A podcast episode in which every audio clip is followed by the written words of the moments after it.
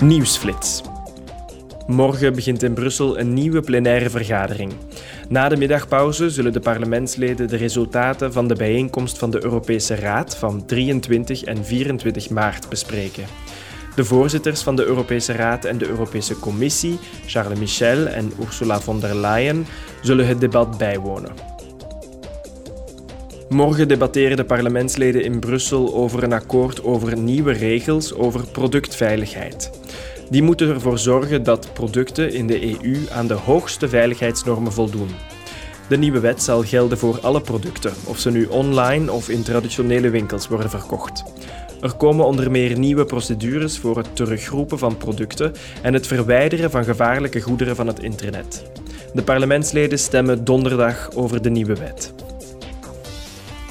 Gisteren en vandaag heeft Thierry Breton, commissaris voor interne markt, twee wetsvoorstellen gepresenteerd aan de Commissie Industrie, Onderzoek en Energie van het parlement over de netto-nul-industrie en over kritieke grondstoffen.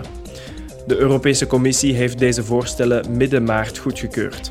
Ze werden aangekondigd in het industrieel plan voor de Green Deal en hebben tot doel de veerkracht, het concurrentievermogen en de autonomie van de EU te verhogen.